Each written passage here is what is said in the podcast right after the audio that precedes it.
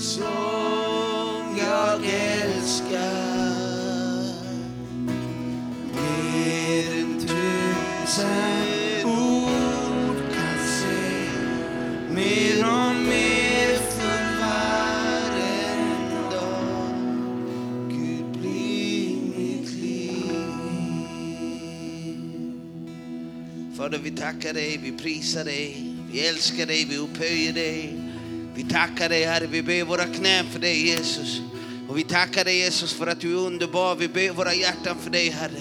Och vi ber Fader, vi ber att du ska komma med din heliga Ande. Sänd din heliga Ande och omslut oss. Om insvep oss i din kärlek. Visa Herre hur mycket du älskar oss Fader. Vi ber om det. I Jesu namn att få ett kärleksmöte. Jesus vi ber att du ska komma och röra vid oss. Att du ska komma och lägga din hand på våran axel. Att du ska omfamna oss och du ska visa oss hur mycket du älskar oss Herre. I Jesu namn Fader vi ber att den här kvällen att allting som blockerar din närvaro i våra liv ska bara få brytas över våra liv. I Jesu namn att vi ska kunna kasta det framför ditt kors och säga vi vill inte gå en meter utan dig Jesus. Vi ber Fader i Jesu namn att vi ska få möta dig Herre. I Jesu namn vi bara höjer upp dig Jesus. Att du är Herre över Nya Parken, du är Herre över Örnsköldsvik, du är Herre över Sverige och du är Herre över våra liv. Vi prisar dig. Shandala kerebere, kerebere bashe kerebere bashe.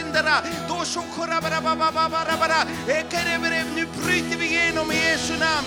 Kerebere ba, baba Shekerebe. Nu bryter vi igenom i Jesu namn. Kerebere ba, baba baba baba kerebere ba. Oh Åh Jesus vi prisar dig Herre. En kerebere Shindarabase. shindara base. Åh oh, kom heligande, kom heligande, kom heligande som en mäktig vind, som en mäktig storm och förvandla våra liv, Herre. Pushukurabarabashi-ndarabase. Förvandla våra perspektiv, förvandla våra liv.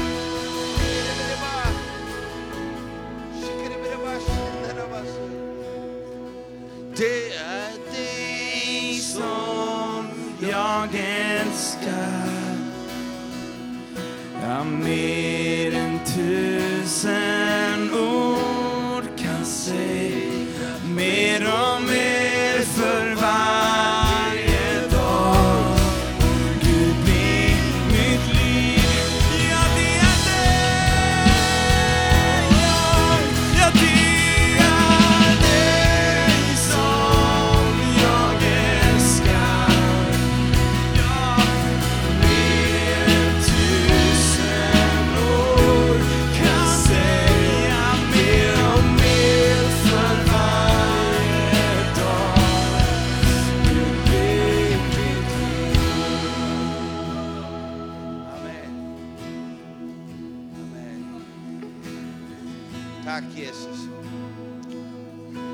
Tack Jesus.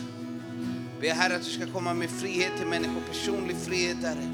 Personlig frihet Herre, i Jesu namn. Du är befriaren från Golgata. Jag ber att du ska komma med personlig frihet och att människor ska få möta dig. Att vi ska få möta dig Jesus, att du ska komma och röra vid mig. Rör vid oss Jesus. Fader, vi ber att du ska uppenbara din son Jesus Kristus för oss Herre. I Jesu namn. Jag ber Herre om en helig kväll Herre. I Jesu namn. En livsförvandlande helig kväll. Det ber vi om Jesus. Amen. Amen. Varsågoda och sitt.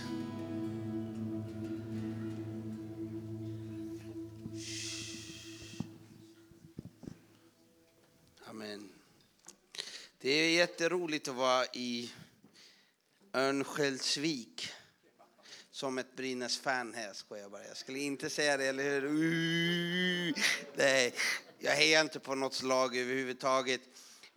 Carl Gustav han har sagt till mig att man ska inte ha några andra gudar än Frölunda. Jag vet inte. Och Hans höll med. Men det är jätteroligt att vara i Örnsköldsvik. Vi har haft, eh, varit här flera gånger i den här parken och vi har mött Gud i den här parken. Hur, var, var det någon här som var på King of Kings förra året? Vilken konferens, eller hur? Vi ska ha den igen i år. Eh, så boka in det 30 maj är det va, till 2 juni.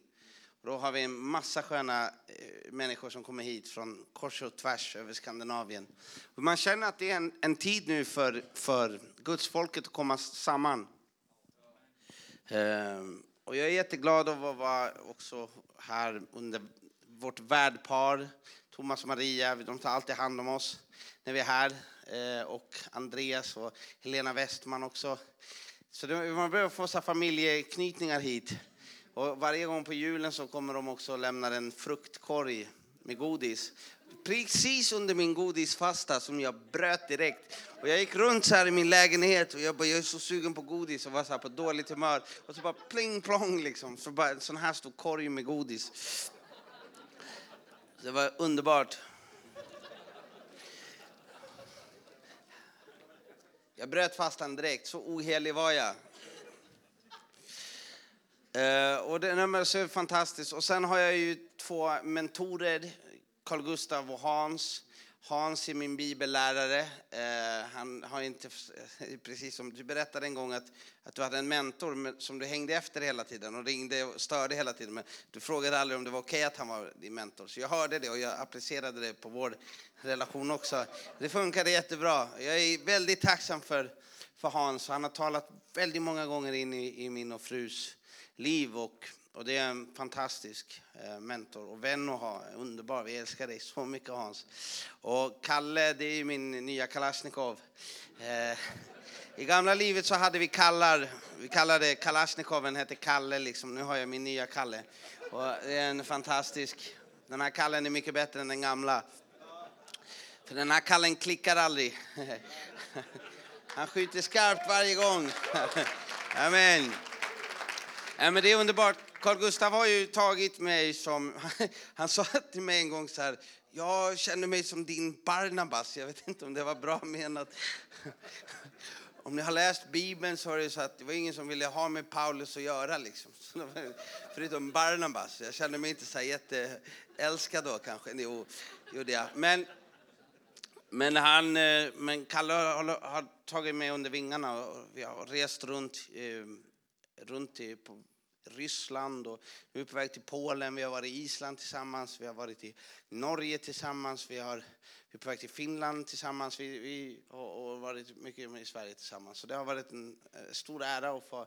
Han har gjort så mycket grejer den här gubben alltså. Han, så det är väldigt mycket man får lära sig och det är spännande att, att, att leva. Så har jag också en kompis här från, från Island, en broder, en Samuel från han har kommit hela vägen från Island, betalat sina egna resor och boende och allting bara för att han vill komma och tjäna er den här helgen. Så det tycker jag kan vi ge en stor applåd för, för Samuel.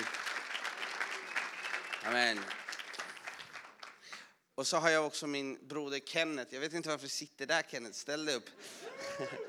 ja. Amen. Kenneth Lillqvist. Eh, Hans Weissbrott döpte honom till honungskvist eh, för att han hade en honungssmörjelse. Så det är någonting positivt. Jag och Kenneth har startat den eh, tillsammans med eh, också Andreas är med och sen så har vi Ruben Agnarsson från, och Janne Lund och lite mera människor som startade en organisation som heter Heart of Evangelism och vi ska då i det, i det namnet, i den organisationen bära ut det här tältet då Eh, och det ser vi fram emot. Och jag påminner en gång till om, om tältet. Åk till Piteå 21-25. Det kommer bli fantastiska möten. Eh, tänk att något gott kan komma till Piteå.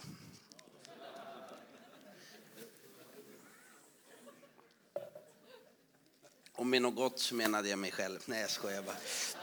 Jag skojar bara. Nu får vi sluta skämta här, får vi vara lite allvarliga. Så här är det att jag har åkt runt i, i den här kampanjen heter Hope Festival och jag är helt övertygad om att det är hoppet som finns för Sverige, det finns hos Jesus och det finns ingen annan, annanstans. Du kan, hitta, försöka, du kan försöka förklä... Ja, det var en, en, en, en vis kvinna som sa till mig när jag var yngre, så sa hon så här att en, hundskit i, i presentpapper är fortfarande en hundskit, sa Och det, var, det fanns vishet i det där faktiskt.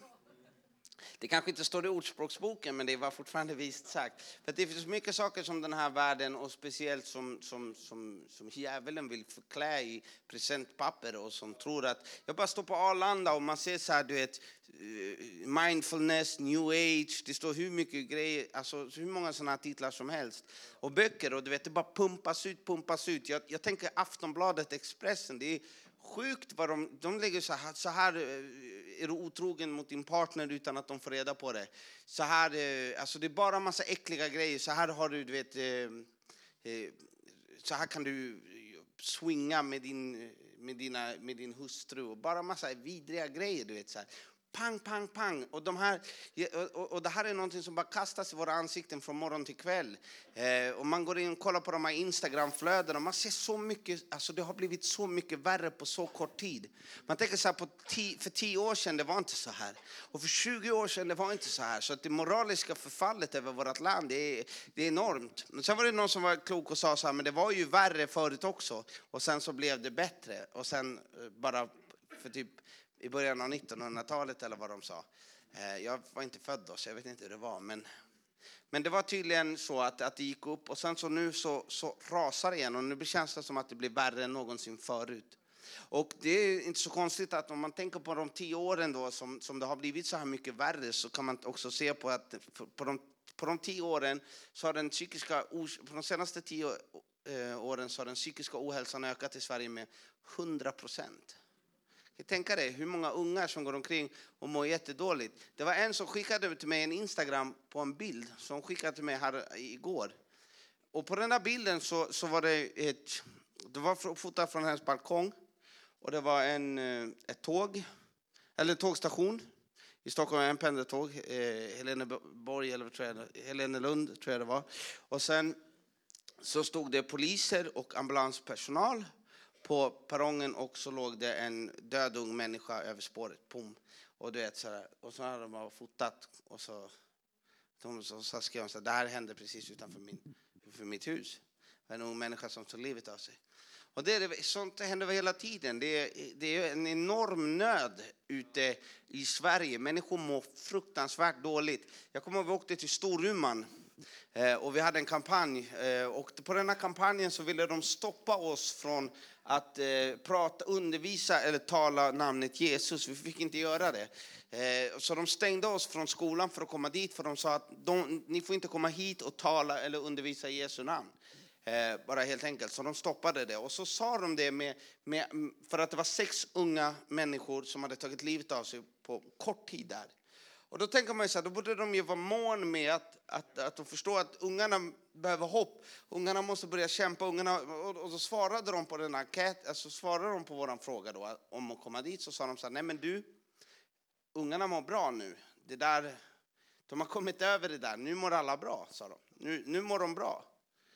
Och så tyckte jag det var så konstigt, för jag gjorde ju den där eh, eh, satsningen tillsammans med två unga tjejer eh, Erika och Nelly i Storuman var som, som, det var deras kompisar som hade dött. En kille som hade dött och det var, de kände alla de som hade tagit livet av sig. Och jag frågade dem, mår folket verkligen bra? Så absolut inte. Och de hade tagit kontakt med en, en som jobbade på skolan. De hade, enligt den senaste undersökningen så mådde verkligen folket inte bra. Utan folk mådde dåligt folk, och många hade fortfarande självmordstankar. Och men de sa till oss att folk har inte självmordstankar här. Vi stannar på bensinstationen, eller hur? Så då har jag precis sagt så här, folk, ingen har självmordstankar typ. Och så stannar vi på bensinstationen. Så jag går in och bara ska köpa en korv. Ehm, jag var inte fasta då heller. Eh, och så står jag där och så ska jag köpa den här korven liksom. Och så bara står en snubbe, eller han bara ställer sig bredvid mig. Och, och, chips skulle han köpa. Vi, nej, vi, chips var det. Vi stod och kollade på chipshyllan, så vi stod både jag och han så här, och tittade så här, på chips. Och så började vi snacka om vilka chips vi skulle ta. Och då sa han den här, så bara ville han prata med mig, så vi gick ut och snackade. Och vad berättade han? Och så sa jag vad jag gjorde. Där liksom, vi var där för, för unga människor vill dö här. Och vet du vad han sa? Jag funderar på att ta mitt liv och jag ska käka upp de här chipsen, sen ska jag in på psykiatrin. För att jag, jag vill ta livet av mig. Tänk dig första killen jag träffar på macken, han vill ta livet av sig. Förstår du? Och det här är en epidemi av psykisk ohälsa som sköljer över vårt land. Jag är helt övertygad om att det hänger ihop med också att det här landet har vänt sin rygg bort från Gud. Och, och, och, och det, det, kommer med konsekvenser. Och, och, den arrogansen, det högmodet som den här regeringen har visat upp, liksom, deras approach mot, mot eh, mot kristendomen överhuvudtaget, deras approach mot Israel, deras, alltså, allting, det kan man visa det här högmodet. Och när man läser kungaböckerna i, i Bibeln så vet man vad som händer när, när styret är på det sättet. Det går inget bra. Men det som slår mig också när vi åkte runt, vi var på en plats, eh, Andreas och jag var på en plats, eh, ett, ett hem, ett, och du var också med, han, där är du, du var med och Krille var med. Ja, det var vi fyra. Vi var på Vemyra SIS-hem. Och vi kommer dit, det var helt sjukt. Vi kommer dit på det här SIS-hemmet. När vi kommer dit så, ni som inte vet vad ett SIS-hem det står för Statens institutionsstyrelse. Det är fängelse för ungdomar. Den yngsta tjejen som de har kastat in i ett sånt här fängelse, hon var åtta år gammal. Tänk dig, du sätter en åttaåring i en cell, låser dörren. Tänk dig en åttaåring ska sitta där, hon kan inte öppna dörren utifrån och sitta och gråta liksom. Uh, och det är den yngsta som har kommit in på ett sånt här SIS-hem som, som jag känner till. Och, och, vi kom dit och, och jag plockade fram Bibeln och de kommer dit de här ungarna. Det är ju så här massa, massa så här gettoungar som sitter där på massa olika anledningar som är lite så här, som, som är socialt missanpassade helt enkelt. De, de, många har bara växt upp och blivit våldtagna av sin pappa och sådana här grejer. De har inte ens gjort någonting, men de bara kastas in där på grund av att de har kastat någon stol i väggen på något, på något ungdomshem eller ett glas i golvet eller vad det än är. Och sen så, så, så hamnar de in, in i det där systemet och de kan sitta, vissa, en hade suttit där i tre år.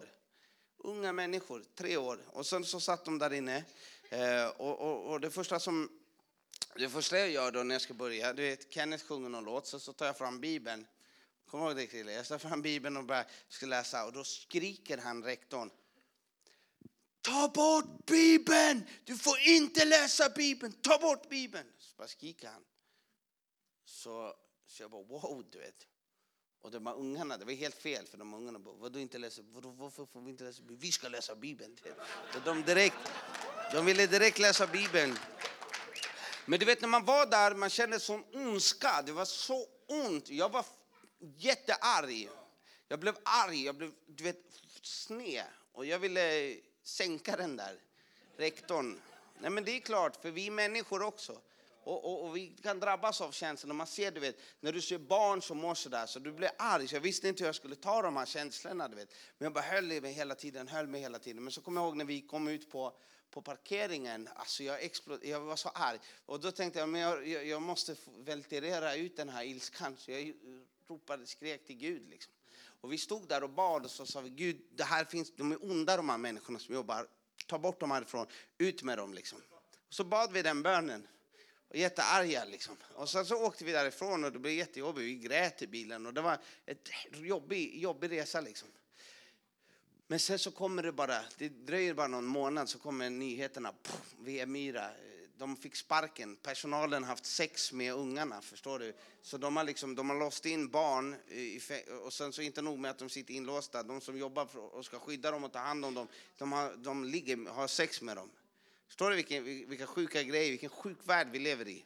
Och, så, så, och eh, den här rektorn han, och alla de som jobbade där, alltså de som hade gjort det här, de fick sparken en efter en efter en. Och det blev en grej på Aftonbladet. Jag tänkte vilken kraft det finns i namnet Jesus när vi ber de frimodiga bönerna. Och det här är inget nytt, att, att man inte får prata om Jesus. Det är inget nytt. Det står så här i, i Apostlagärningarna 4, så står det från vers 5. Nästa dag samlades stora rådet i Jerusalem, både äldste och skriftlärda. Varför de gjorde det var för att var, de hade bett för, Petrus hade bett för en, en man som var lam och han hade bara rest sig upp och börjat dansa in där i templet. Och det var ju liksom, de var emot det här, för de, de, de var emot Jesus och de hade korsfäst Jesus och, och allting. De försökte glömma bort Jesus och så, så helt plötsligt började det hända grejer precis där vid templet. Liksom. Och då, då, då står det att nästa dag samlade, och de har gripit då eh, Petrus och Johannes. Och då står det att nästa dag samlade stora rådet i Jerusalem, både äldste och skriftlärda. Översteprästen Hannas var där, liksom Kaifas, Johannes och Alexander och alla som var av översteprästlig släkt. Det lät föra fram apostlarna och började förhöra dem. Genom vilken kraft eller i vilket namn har ni gjort detta? Genom vilken kraft eller i vilket namn har ni gjort detta?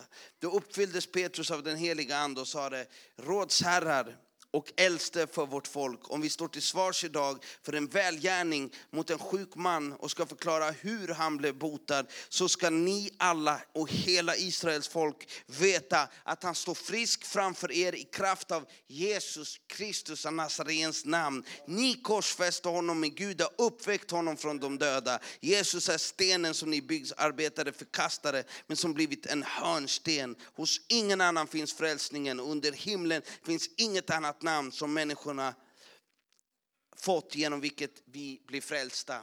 Så de är frimodiga de här killarna och de talar ut det här och lite längre så, så, så, så, så börjar de prata och så lite längre ner så, stå, så står det då från vers 18 att de kallade in dem igen och förbjöd dem att alls tala eller undervisa i Jesu namn. Känner ni igen det här? Det är alltså en, en andlig verklighet, ett andligt motstånd som är som är aktivt än idag. De kallade in dem och förbjöd dem att alls tala eller undervisa i Jesu namn. Men Petrus och Johannes svarade dem, bedöm själva om det är rätt inför Gud att lyda er och inte Gud. Vi för del kan inte hålla tyst med vad vi har sett och hört. Och det känner jag också, du vet, när man ser på det här landet, när man får möjligheten att tala inför människor, när man får möjlighet att prata om människor, så tänker jag så här att med, med, med det mörkret som, som jag kröp utifrån och med de problemen och med den missbruket och fängelse och allt det här döden som man har sett så, så vet jag att det enda som räddade mig var Jesus. Och jag tyckte om det, vi hade en, vi hade en, en, en vi hade en intervju med Uppdrag granskning här Eh, för, för ett tag sedan. Och då, då, och då ställde de en, en av, vi känner en, en ung tjej då som, som heter Linn som, som var på väg att ta livet av sig. Hon var precis på väg till ett sånt där tåg, skulle hoppa framför tåget men gick in på ett möte och blev frälst underbart. Jesus räddade henne i sista sekund. Och efter det så har hon, hon har, nu har hon fört ett 50-tal människor till, till Jesus. Hon bara går rakt in, hon är som en maskin. Hon går rakt in i, i psykiatrimottagningarna. Hon har själv suttit där på avdelningarna. Hon går in där och, och delar ut min bok liksom så här, för det står om hennes vittnesbörd där.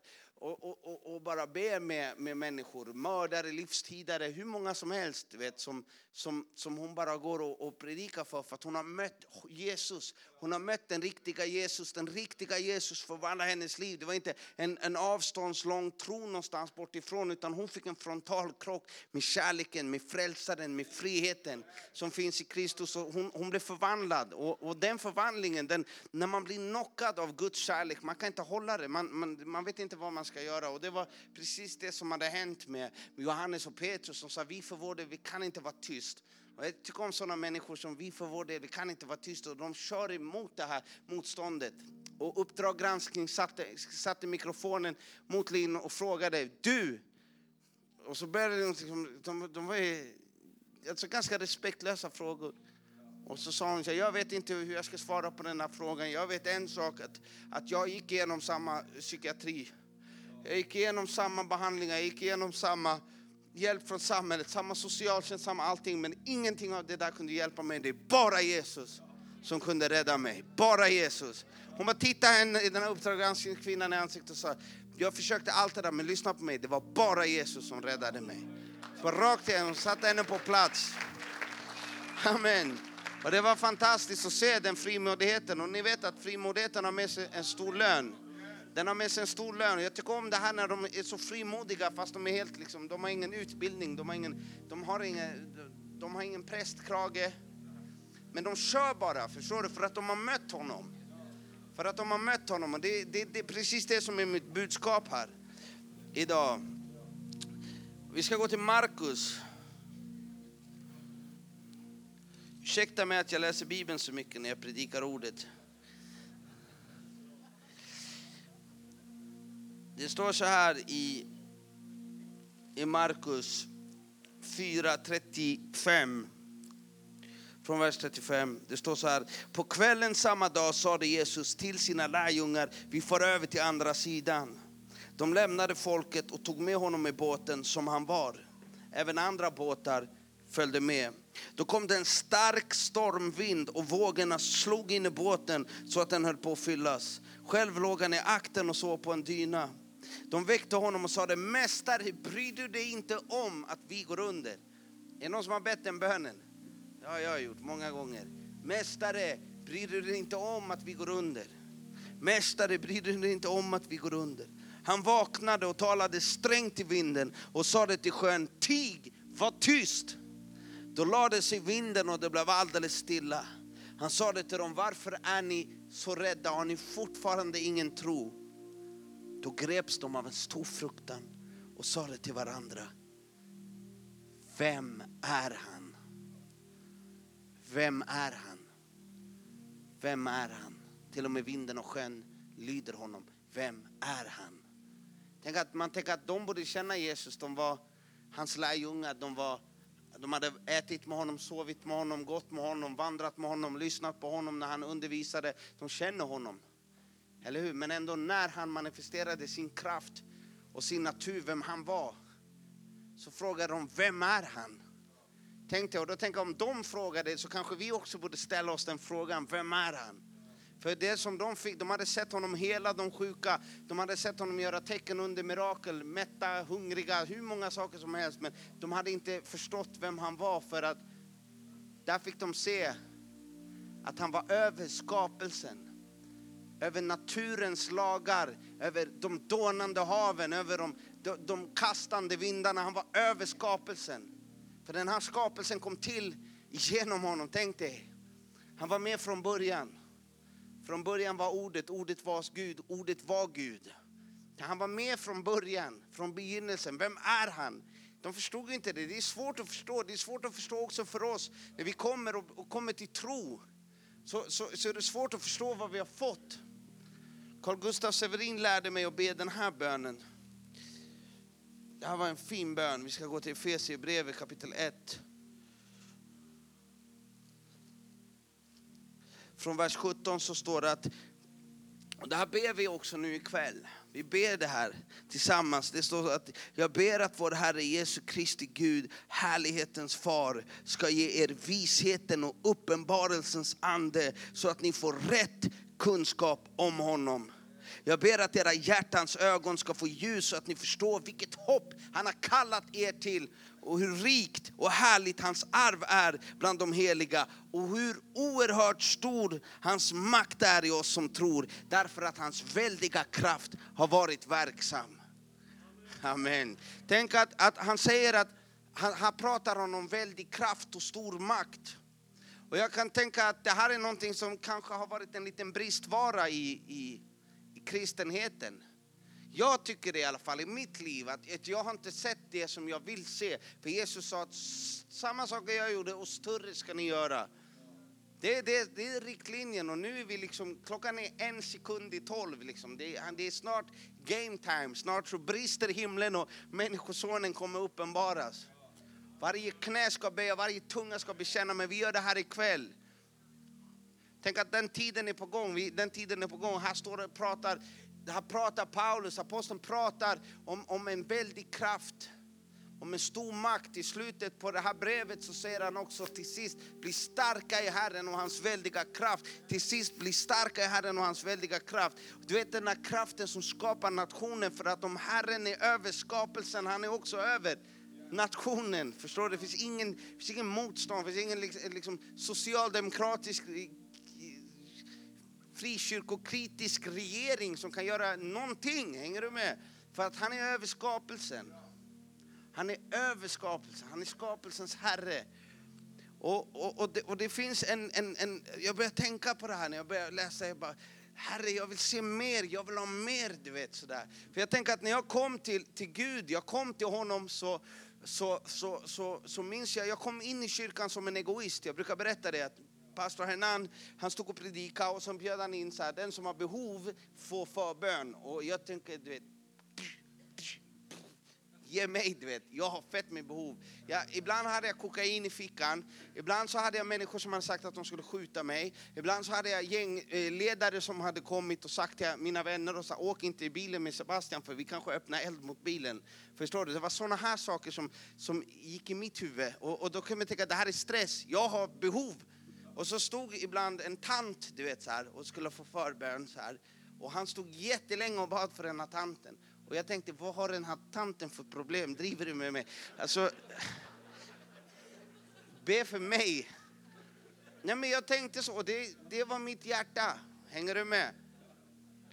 För att om någon är i Kristus är man en ny skapelse. Men, men också är det så att eh, den gamla Adam dog i dopgraven men det aset kan simma. Så, som Weissbrott brukar säga. Och det är inte så att jag blev, jag blev frälst för att en människa kom fram till mig, presenterade Jesus. Är det här sant tänkte jag, så game on, vet, ge mig honom. Och så bad vi, jag fick känna kärleken, jag fick känna du vet, en helig andes vidröring och allting sånt. Men sen dagen efter så var jag ju fortfarande tillbaka alltså på ruta ett och, och det tog en, för mig tog det tre år för, för, för mig att förstå vem han var. För jag kunde inte fatta att, att han var med mig, att han var i mig. Jag kunde inte förstå att när jag liksom även när jag syndade, liksom, då tänkte jag att nu är inte Jesus här. Men det var han ju. Men jag kunde inte förstå det för att jag hade inte fått uppenbarelsen om vem han var. Här står det att jag ber att ni ska få visheten och uppenbarelsens ande så att ni får rätt kunskap om honom. Jag hade inte rätt kunskap om honom. Jag hade inte fått uppenbarat vem han var. Jag hade inte förstått vilket rikt arv jag hade fått och hur stort det, den välsignelsen var och allt det där. Jag, jag fattade ingenting. Jag visste bara att när jag kom till kyrkan så kände jag ah, nåd och kärlek och frihet och känslor som jag aldrig någonsin hade känt tidigare i mitt liv. Men sen gick jag ut i världen till kylan, till mitt vanliga liv och pff, allt det där var som bortblåst liksom, många gånger. Sen så blev det lite mer, sen kom det, jag började inte i kyrkan, jag började i en cellgrupp för att jag hade fotboja och kunde inte gå till kyrkan. Och då passade ju en cellgrupp. Och och då började, sen så släppte den där bojan och jag kunde gå både söndag och torsdag. Då blev det liksom ett gudsmöte på torsdagen, ett gudsmöte på söndag. Men det, men det var fortfarande en enorm kamp liksom hela tiden. Och, och, det är faktiskt väldigt bibliskt det här att fråga om, om, att, om det här med att man ska få uppenbarat vem han är. För i Matteus 11, från vers 25 så står det att vid den tiden sade Jesus, jag prisar dig far, himlen och jordens Herre, för du har dolt detta för de visa och kloka och uppenbarat det för små barn. Ja far, så var din goda vilja. Allt har min far överlämnat till mig och ingen, lyssna på det här, ingen känner sonen utom fadern och inte heller känner någon fadern utom sonen och den som sonen vill uppenbara honom för. Det betyder att det finns en uppenbarelse om vem han är. Och jag undrar om den uppenbarelsen är uppenbarad för oss. Om den är uppenbarad för dig. Det finns en annan eh, klassisk eh, historia i Bibeln när när, eh, när Jesus sitter med sina lärjungar och han, han ställer dem frågan, vem säger folket att jag är? Vem säger folket att jag är? Vem säger folket att jag är? Och så börjar de kolla på varandra och så börjar de prata, någon, någon säger att du är Johannes döpare, någon säger att du är någon profet som har uppstått. Och de har lite olika teorier liksom, så sitter de sådär. Och så, så vänder han frågan, han flippar den liksom och så pff, riktar han den rakt mot dem. Okej, ni då? Ni mina vänner, mina lärjungar, vem säger ni att ni är? Och då säger Petrus, han säger så här, du är Messias, du är den levande Gudens son. Och då kollar Jesus på honom och så säger han så här, välsignad är du Petrus, för kött och blod har inte uppenbarat det här för dig, utan min fader som är i himlen har uppenbarat det här för dig. Du är Petrus och på denna klippa ska jag bygga min församling och helvetets portar ska inte ha makt över den. Jag har gett er nycklarna till himmelriket. Tänk dig, det är vad han säger till honom. Och då undrar jag, vad är det han, har, vad han egentligen säger? Att på den uppenbarelsen ska jag bygga min församling. Och helvetets portar ska inte ha makt över den. Du vet. När det finns en församling, Svedjeholmskyrkan är en trosförsamling. Det är en, jag älskar den här församlingen för de, bara att köpa den här parken var ett trosteg. Du vet. Och när man tror på Gud, då blir Gud förhärligad och han backar tro. Du vet. Alltid så backar han tro. När man tror på han, på hans makt, på hans stora kraft, på att han kommer lösa det. Det kostar jättemycket pengar, spelar ingen roll. Det, fadern beställer, det betalar fadern. Liksom. Och så, går han, och, och, så går man på det där trosordet. Och det är precis det, och, och tro behagar Gud. Det enda sättet, du kan inte behaga Gud om du inte har tro på honom. Men du kan heller inte tro på honom om du inte har mött honom, om, du inte liksom har, har, om man inte har burit dig igenom de här stormarna. För det är det många gånger att, att man lär känna honom genom nöden, genom, genom tvivlen, genom, genom när man tror så här, wow, nu är det kört liksom. Och så kommer han gång på gång och bara lyfter en igenom situationer, svåra situationer när man har stått på sina knän, när man har bett snälla Gud, snälla Gud och han har kommit och hjälpt den. Och, och då skapas den här relationen. Och han säger till honom att, att, att att kött och blod har inte uppenbarat det här Petrus. Utan min fader har, i himlen har uppenbarat det här för dig. Du Petrus och på den här uppenbarelsen ska jag bygga min församling. På den här klippan ska jag bygga min församling. Tänk att, tänk att han säger att kött och blod inte har uppenbarat vem jag är för dig. Men tänk hur många människor som jag till exempel när jag gör en frälsningsinbjudan. Så, och liksom, jag har ju lett massa människor till Jesus. Men de har ju, blivit, de har ju mött Jesus på den uppenbarelse som jag har gett dem. Förstår du? Kött och blod har uppenbarat. Och därför, därför alla gånger så, så, så faller ju människor. Så undrar man varför vill han inte? Eller varför vill hon inte? Och varför, varför blev det sådär? Jo, men därför att det är en kött och blods uppenbarelse om sonen. Förstår du? Man måste lära känna honom. Och, och, och, men, men fortfarande så är det, är det på riktigt. Fortfarande är det så att man känner i hjärtat att det var någonting som hände och man går tillbaka till kyrkan. Därför är det så enormt viktigt med församlingen. Att, att, att man går tillbaka, att man får möta, att man får möta, att man får möta. Och så pff, kommer helt plötsligt den där, det bara smäller till i, i huvudet på en liksom. I hjärtat snarare. Och så förstår man, wow, vad var det där för något? Det där var helt övernaturligt. Vad var det där för något? Det var Gud. De är ute efter att möta oss, de är ute efter att uppenbara sin oerhörda makt för oss, för att ge oss av sin kraft. Du vet. Så att jag tänker hur tolv stycken, han valde tolv, en hängde sig. Och de andra elva förvandlade hela världen. Tänk dig, de sprang ut med evangeliet, det räckte hela vägen till Örnsköldsvik, liksom, 2000 år senare. Fattar du vilken kraft det finns i ordet, i evangeliet, i, i de här nyheterna? Det är de enda goda nyheterna, det är det enda hoppet. Förstår du, en dag så kommer vi alla stå framför Gud. Vi kommer alla stå framför Gud. Och det, det ingen, han kommer inte bry sig om du har bjudit någon unge på glass eller alltså, förstår du? Men han, det spelar ingen roll, det enda sättet att komma in i himlen det är genom att ha sonen. Den som har sonen har livet, den som inte har sonen har inte livet. Och det finns en, en djup uppenbarelse om vem han är. Och det är den som vi måste jaga. Vi måste jaga Jesus. Vi måste jaga in i hans närvaro. Vi måste söka honom och inte tänka så här att om jag inte, om jag inte har fått något, om inte människor kan se. Det är som Robin. Vart är han någonstans? Där. Man kan ju, han, den där snubben, han har ju mött Jesus. Han är ju så onormal, förstår du, i kyrkan till och med. Till och med på Livets Ord är han onormal. Liksom. ja, men det är så. Bam! Du vet, han har sprungit rakt in i honom och det finns ingenting annat än Jesus för honom. Han bryr sig inte om någonting annat. Du vet, sådär. En riktig Jesus-freak. Och det är sådana där Jesus-freaks som förvandlar världen. Det är så, i Jesu namn. Billy Graham var en Jesus-freak.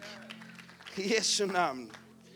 Och, och, och, tänk så här att, tänk så här att, att, att när han, han får den uppenbarelsen att, och, från Fadern och han säger att det är den som, som, som helvetets portar kommer inte ha makt över den. Och, och, du vet när man tittar på, på helvetets portar och, och församlingen i Sverige idag så har det ju, finns det på många områden där helvetets portar faktiskt har makt över församlingen.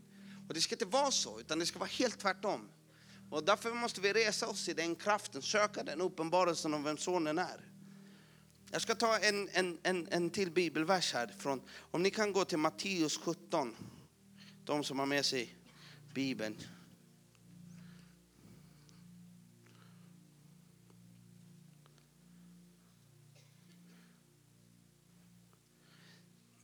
Det står så här, sex dagar därefter tog Jesus med sig Petrus Jakob och hans bror Johannes och förde dem upp på ett högt berg där de var ensamma. Den första grejen han kommer till alla sina lärjungar så säger han du, du och du. Kom. Så de får ju, vad, vad tror du hände med dem? De kände sig utvalda, de kände sig speciella. De bara, Gud har valt oss, liksom så här. eller Jesus har valt oss. Eh, för de hade ju inte riktigt den uppenbarelsen än om, om, om vem han var. Den, den kom ju senare. Eh, och och så, så, så får de vara ensamma med Herren och sådär. Och, de, och det är första steget. Sen kommer den andra övernaturliga grejen. Då står det så här att då förvandlades han inför dem. Hans ansikte lyste som solen och hans kläder blev vita som ljuset. Tänk dig. Hans ansikte lyste som solen och hans kläder blev vita som ljuset. Tänk dig bara se att han har först tagit dem, de känner sig speciella hela vägen upp på berget. Sen bara så bara förvandlas han framför deras ögon. Tänk dig ändå den, den saken och de bara wow. Sen kommer Elia och Moses och börjar tala med Jesus. Och tänk dig eh, Moses som representerar lagen han, han, han, han är lagen personifierad, liksom, står och talar. Och lagen han, handlar, pe, hela lagen pekar och handlar och får sin uppfyllelse i Messias. Och sen står Elia då som representerar profeterna. Så lagen och profeterna står och pratar med uppfyllelsen, alltså Messias. Det här är ju så här, pff, det här spränger hjärnan liksom, så här, när, vad de får vara med om. Liksom, och då står de ändå, där, där står de och, och, och, och tittar. Och Mose och Elia visade sig för dem och samtalade med honom. Det var det här som, som, som Herren, jag upplevde starkt att Herren visade mig. Det här, lyssna. Petrus sa det till Jesus. Herre, det är gott för oss att vara här. Jag ska göra tre hyddor här. En till dig, en till dig, en till dig. Tänk dig, trots att han har, liksom, de, han har fått, av, blivit avskild. Satt liksom, han har blivit avskild ensam med Herren. Han har sett Jesus förvandlas framför hans ansikte, bara lyser, kläderna blir vita som ljuset. Sen uppenbarar sig Mose och Elia och, och samtalar. Allt det här händer, men Petrus står fortfarande på benen liksom så här, med, med, med kötsliga, mänskliga tankar och idéer. Hänger du med hur Jesus kan komma liksom, pff, och in i våra liv och vi har ändå massa dumma tankar och idéer. Och liksom vill, liksom, ja men vi gör det här, vi gör det här, vi gör det här. För att jag läser ju inte sen i texten att det blev några tre hyddor. Han gjorde, det hände ju aldrig. Varför? Det kommer det här. Medan Petrus ändå står och babblar. Det står inte det. Det står att medan han ändå talade kom ett lysande moln och sänkte sig över dem. Och en röst ur molnet sade, han är min älskade son. Lyssna till honom. I honom har jag min glädje. Lyssna till honom. Och när lärjungarna hörde det föll de skräckslagna på sina ansikten. Men Jesus gick fram och rörde vid dem. Och sade res er upp och var inte rädda. Och när de lyfte blicken så såg de ingen annan än Jesus. Tänk dig det. Fadern kommer uppenbarar sig och säger det här är min son, i honom har jag min glädje. Lyssna till honom. Och när fadern kommer, boom! Ner på sina ansikten, skräckslagna. Och Jesus kommer då röra vid dem.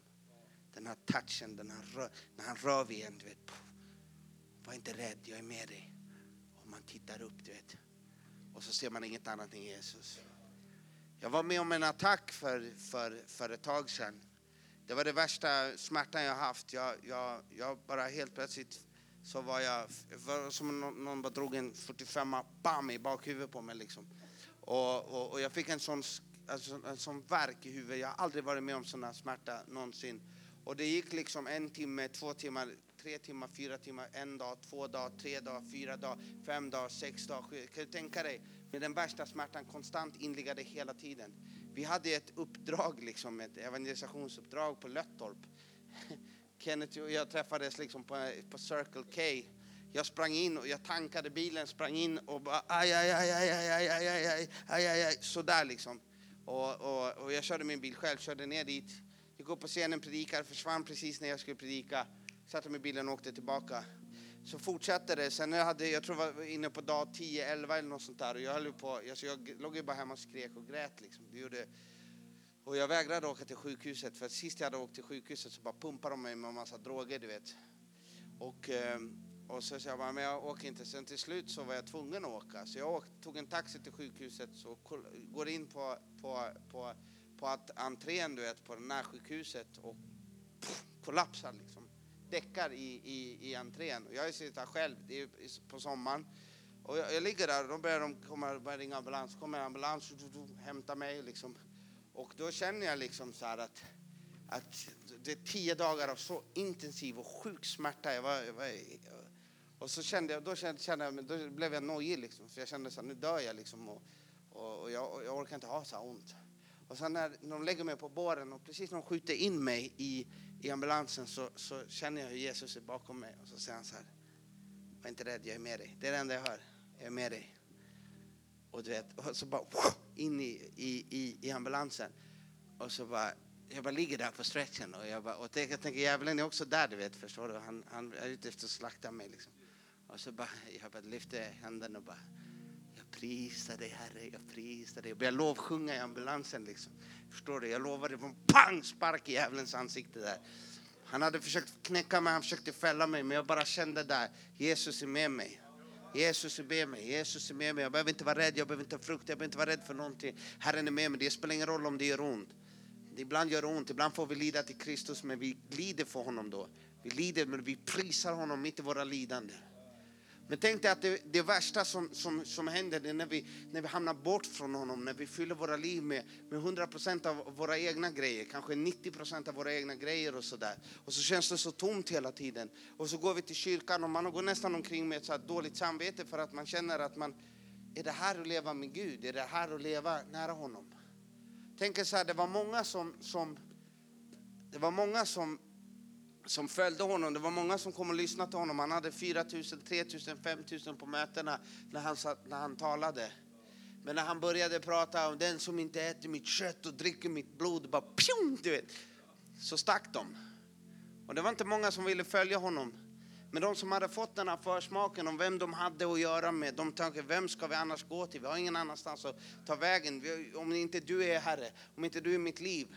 Jag älskar den bilden i Petrus när han, när han hoppar in i vattnet och simmar. Han vill inte vänta på att båten kommer in i land. Han bara hoppar in i vattnet, simmar in för att han måste möta Jesus. Och det är den där sjungen, det är den som kan förvandla en nation när vi som Guds folk börjar hungra efter honom.